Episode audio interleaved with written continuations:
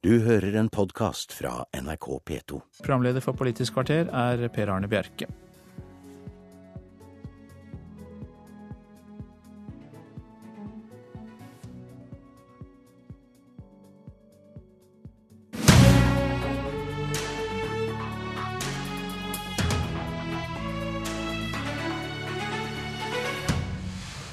Snart 25 år siden eldreopprøret må det gå ytterligere 25 år før vi har nok sykehjemsplasser.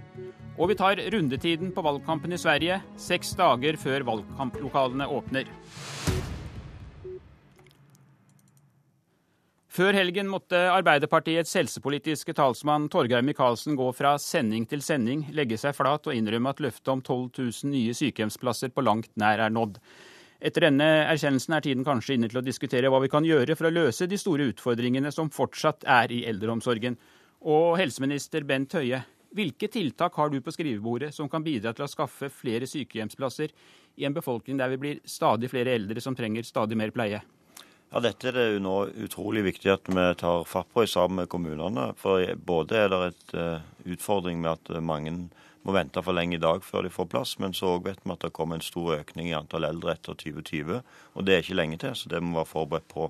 Så vi mener at eh, Den nye regjeringen mener at staten må ta et større ansvar. Og det skal vi gjøre på langs tre eh, områder. Det første er å eh, bevilge mer penger til de kommunene som bygger institusjonsplasser. Det har vi allerede gjort med at nå tar staten halve regningen når en bygger et sykehjem eller et bofellesskap for demente. Så skal vi etablere nå i høst i samarbeid med KS en oversikt over hva som er situasjonen i kommunene, hva som er deres planer for utbygging i årene videre. Og på bakgrunn av det så vil jeg også ta et initiativ til et samarbeid med KS om konkrete årlige mål for utbygging. Og Det siste er at vi òg vil styrke rettighetene til de som har eh, behov for heldøgns pleie og omsorg. Så vi har òg igangsatt utredet eh, en rettighetsfesting, sånn at vi, vi sikter på å innføre det i løpet av denne perioden. Og Da bruker vi tre veldig sterke virkemidler for at staten tar et større ansvar for at kommunene både forbedrer situasjonen for de som er eldre i dag, men ikke minst òg er bedre forberedt på den store økningen som kommer etter 2020. Eh, ja, Torgeir Micaelsen, nå sier altså helseministeren at staten må ta et større ansvar. og Er problemet at eh, dere sitter og lover på kommunenes vegne, og at kommunene ikke klarer å oppfylle løftene uten at nettopp staten kommer sterkere inn? Altså at kommunene også får garanti for driftsutgiftene i tillegg til bevilgninger til å bygge nye sykehjem? Ja, Dette er et veldig dilemma for oss. Eh, fordi Vi er avhengig av å ha nasjonale planer og mål på, ja, fra storting og regjering. Eh, men det er helt riktig at det er kommunene som skal iverksette dette. og I løpet av vår regjeringstid så Jeg sier ikke dette for å unnskylde, men det er bare faktiske tall. Altså 60 milliarder kroner i frie nye inntekter. Eh, også økte til investeringstilskudd. og Allikevel så ser vi at resultatet ikke er det det er. Derfor mener jeg at det som Høie nå altså, ja, annonserer, det skal vi se på, og vi skal studere det. Og jeg skal være konstruktiv i Stortinget hvis han kommer med gode forslag. Men jeg er redd for at det ikke er nok. Og det er i selverkjennelsens navn, fordi de ligner veldig på de forslagene og de tiltakene vi har gjennomført. Og det har jo vist seg å ikke være tilstrekkelige. Men Høie, må staten inn med mer rett og slett direkte styring for at vi skal få til dette? Vi må inn med både mer eh, penger, styring og samarbeid. Og Det er jo det som er et hovedproblem for uh, de løftene som Arbeiderpartiet kom med, det at de lovte i valgkampen 12 000 flere plasser på vegne av kommunene, uten at en setter seg ned og faktisk diskuterer en konkret plan for hvordan dette skal oppnås. Og Det er jo det som vi, gjør. Det, eh, det, så er det ganske stor forskjell på om du dekker 35 eh, eller om du dekker faktisk eh, halve, halve regningen. Og så er det selvfølgelig òg viktig at mange av de eldre i dag og deres pårørende opplever jo at de venter på å få en sykehjemsplass, og så sier kommunen nei, vi har ikke noen ventelister til sykehjemsplass. Og Det er jo en av de mm. tingene så vi nå skal gjøre, nemlig få en mye bedre situasjon. Jo, men helseminister, Er ikke problemet det at kommunene kan få penger til å bygge, men så tør de ikke å gjøre det fordi de er redd for at driftsutgiftene blir så høye at de ikke klarer oppgavene fremover? Er det ikke der løsningen ligger, å gå inn og dekke driftsutgiftene? Ja, Derfor må òg eh, kommunene få, få, økte inntekter i årene framover. Men så har jo vi sagt allerede, og det er ikke noe som vi trenger å reflektere over, som Arbeiderpartiet skal gjøre, men vi har allerede sagt i regjeringsplattformen at en av utfordringene er jo bl.a. at eh, en del kommuner har økonomiske insentiver for å bygge ut andre tilbud enn eh, sykehjemsplasser og bofellesskap for demente. Og Derfor har vi sagt i regjeringsplattformen at vi vil eh, vurdere å øremerke den differansen, sånn at ikke kommunen skal økonomisk bli motivert til å bygge ut andre tilbud enn det for faktisk innbyggerne har behov for. Da er vi jo inne på å øremerke penger òg til drift. Torgeir Micaelsen. Ja, altså jeg eh, har eh, lyttet og jeg har snakket med veldig mange eh, rundt disse ja, i mange år, men også det siste året etter valgresultatet ble som det ble. Og det veldig mange sier, jeg, altså Vi kan diskutere alt, altså jeg mener det, også om det finnes måter å føre en liste som ikke er noen unnskyldning for kommunen å gi det de etter loven i dag har plikt til å hva skal vi si, gi hvis eldre trenger f.eks. en sykehjemsplass. Jeg er veldig urolig for at man innfører lister som gjør at det er en unnskyldning for ikke å gjøre det. Men la, la det ligge. Det de sier til meg, Vi har jo ganske brukbar oversikt. Fordi kommunene har jo meldt inn til staten det som kalles uh, søknad om tilsagn. Dette er jo den gamle diskusjonen. Der var det jo opp mot 7000 plasser som kommunene har gitt beskjed om at de ønsker å bygge på et eller annet tidspunkt. Men så kommer kommunene til et punkt der de sier at ja, dette trenger vi kanskje, men vi har ikke råd til å gjennomføre det. Og det er da jeg mener at, og det er min lille brannfakkel, dette er også omstridt i Arbeiderpartiet og i det politiske Norge, jeg tror at staten må tyngre på banen også på driftssiden når det gjelder uh, sykehjemsplasser og andre ting. Det har vi ikke vært villige til nå. Vi har brukt kommunene som verktøy. Det sier også Høie skal gjøre, men jeg kan si deg vi gjorde dette med å øke skattene og øke kommunenes inntekter med 60 milliarder kroner. Dere skal la gjøre ja, dette sammen. Nei, nei, nei, men det er jo et viktig poeng ja, at men, vi eh, har hva skal vi si, prøvd oss. det er neste sending. Men, det, er greit, det er greit. Men kan jeg legge til et par, par korte punkter? Sykehjemsplasser, heldøgns omsorg. Det skal vi diskutere. Men vi skal diskutere mer. Jeg mener at vi skal ha mer trykk rundt pårørende, eh, frivilligheten, omgangskretsen til eh, de nære som trenger hjelp. Der bør samfunnet stille mer opp. Og vi må organisere oss og ta i bruk mer ny teknologi. Vi kan ikke bare basere oss på at vi skal bygge oss ut gjennom plasser. Ja, ok. Nå virker det som dere da er enige med at noe må gjøres. Da skal jeg minne dere om at eh, i februar er det 25 år siden Per Hovdas eldreopprør. Den gang så manglet det heller ikke på løfter om alt som skulle gjøres, og dere er selvsagt for unge til å ta ansvar for det som skjedde da. Men argumentene og problemstillingene er omtrent de samme i dag som i 1990. Og da vil jeg gjerne ha et helt konkret svar fra dere. Kan dere nå sørge for å bygge ut de omsorgsplassene som trengs, eller må det gå ytterligere 25 år? Høie?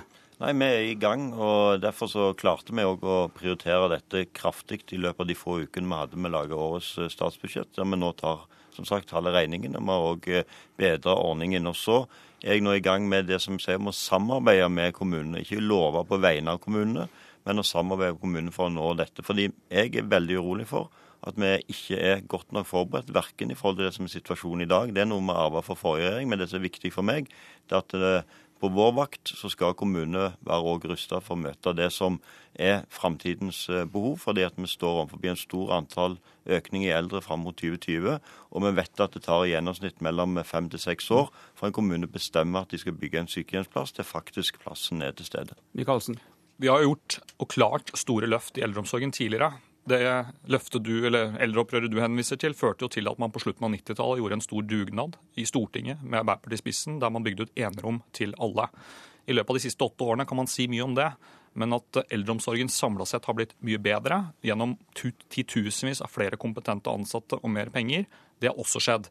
Det som ikke har skjedd, er at vi har fått bygd ut nok av den siste, eller hva skal vi si, nest siste reisen til mange eldre som da opplever at det er for, la, for høy terskel til å få plass på institusjon. Det er det vi nå må diskutere, sammen med alt det andre som gjør at vi ikke si, løper fra at de fleste eldre faktisk ønsker å bo lenge hjemme og tilrettelegge mm. avansert hjemme. Jeg tror det er mulig å gjøre, men jeg tror ikke at de virkemidlene jeg har hatt og Arbeiderpartiet har hatt, har vært gode nok. Og jeg er redd for foreløpig at de regjeringen har, ikke er gode nok. og Derfor må vi tenke ja. nytt, og det er i hvert fall jeg å gjøre. Ja, men da er det noe jeg lurer på. Hvis det er slik at, en pasient, eller at fastlegen mener at en pasient trenger sykehjemsplass, hvorfor kan det ikke da være slik at eh, pasienten automatisk da får plass på sykehjem, Høie? Ja, For det første så er jo det vi nå uh, har satt i gang, i motsetning til forrige regjering, har jo mest sagt at vi vil uh, lovfeste retten til heldøgns pleie og omsorg. Vi har satt i gang arbeid med det og på sikte på innføring i perioden. Men så er det jo viktig at når vi da gir en god rettighet, så er det faktisk et tilbud å gi. og Derfor må vi òg forsterke arbeidet med faktisk at plassen er til stede. For det hjelper ikke å ha rett til en plass som ikke eksisterer der. Og så er jeg helt enig i at vi også skal gjøre mye for alle de som ønsker å bo lenger hjemme, og alle de andre tingene. Men litt av problemet har vært at eh, under forrige regjering så ble det brukt som en unnskyldning for at en ikke bygde ut nok eh, plasser. Og jeg er, redd for, jeg er redd for at pendelen har svingt eh, for langt, og at en tar for lett på at mange av de eldre blir ganske syke på slutten av livet. De har behov for sykehjemsplass, de har behov for avansert mm. pleie. Og mange i årene framover blir demente. De skal ikke bo kort tid på sykehjem, de skal bo på, i lang tid i bofellesskap. og Da har en behov for en helt annen satsing på å bygge ut antallet plasser òg, og ikke bare men, satse ja. på hjemmerehabiliteringen. Michaelsen, kort til slutt. Men, men Høie, det er veldig bra mye av det du sier. men i min selverkjennelse, og nå jeg hører deg nå prate, så vil ikke, jeg, etter mitt syn, dette være nok. Alle sier at, og alle er enige med det du sier. Vi har sagt det samme. Vi økte kommunenes inntekter kraftig. Vi økte investeringsrammene. Men det er på driftssiden problemet ja, ligger, og det skal vi nå diskutere. hva vi skal gjøre med. Det kommer et konkret ja. forslag, og du skal reflektere. Ja. Mens du reflekterer, så skal jeg gjennomføre politikk. Takk skal dere ha, begge to.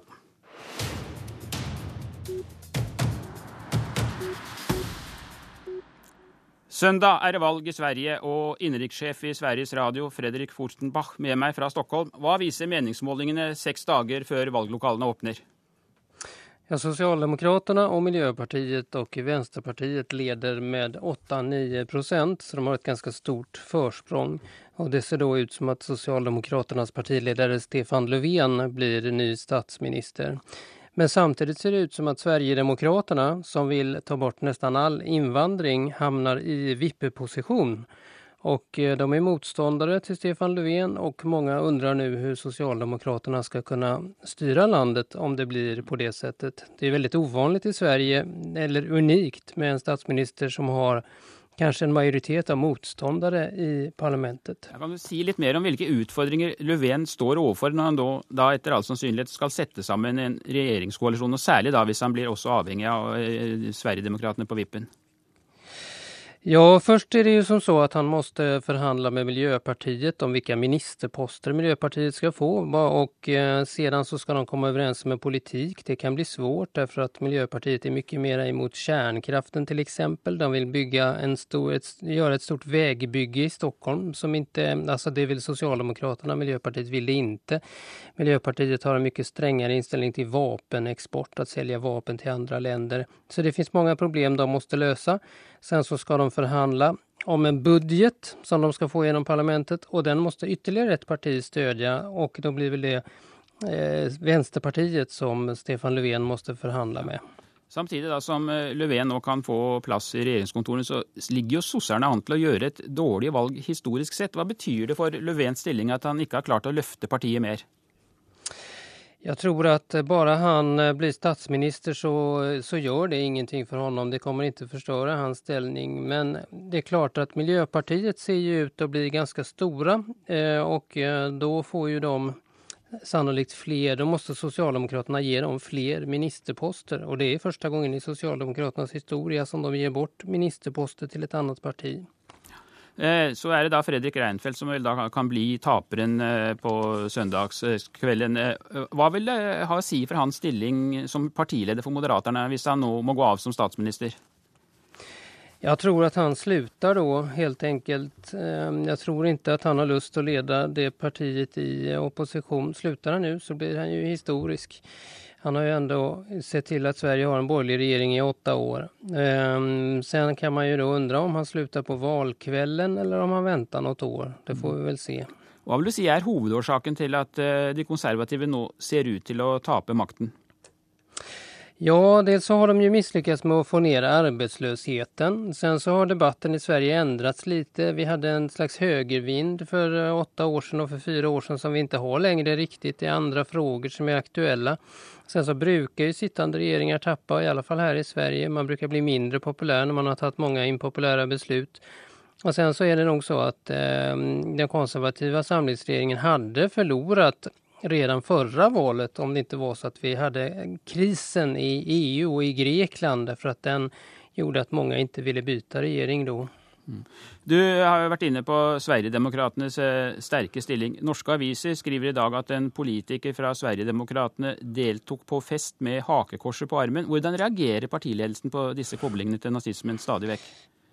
Ja, det er litt spesielt, for at de Eh, hon har ju då hoppat av, hun ställde ikke lenger opp i valet. Det här var en ganske ung tjej. Det var några bilder på henne der hun dammsuger då med hakkors på armen. Men andre partier, de hadde ju kanskje ställt til mye mer. Det hadde hendt mye mer der. Nu var det som så att eh, de gikk bare ut og sa ja, hun har gjort det här som ett spex, alltså hon har skojat og det er klart at det var olämpligt. Men mer enn så sa de ikke. Så att eh, de, är, de har problem med det her med at de har ganske mange i sitt parti som faller utenfor rammen, som går for langt, som gjør mm. rasistiske uttalelser. Takk skal du ha, Fredrik Forsenbach, innenrikssjef i Sveriges Radio. Og det var Politisk kvarter med Per Arne Bjerke.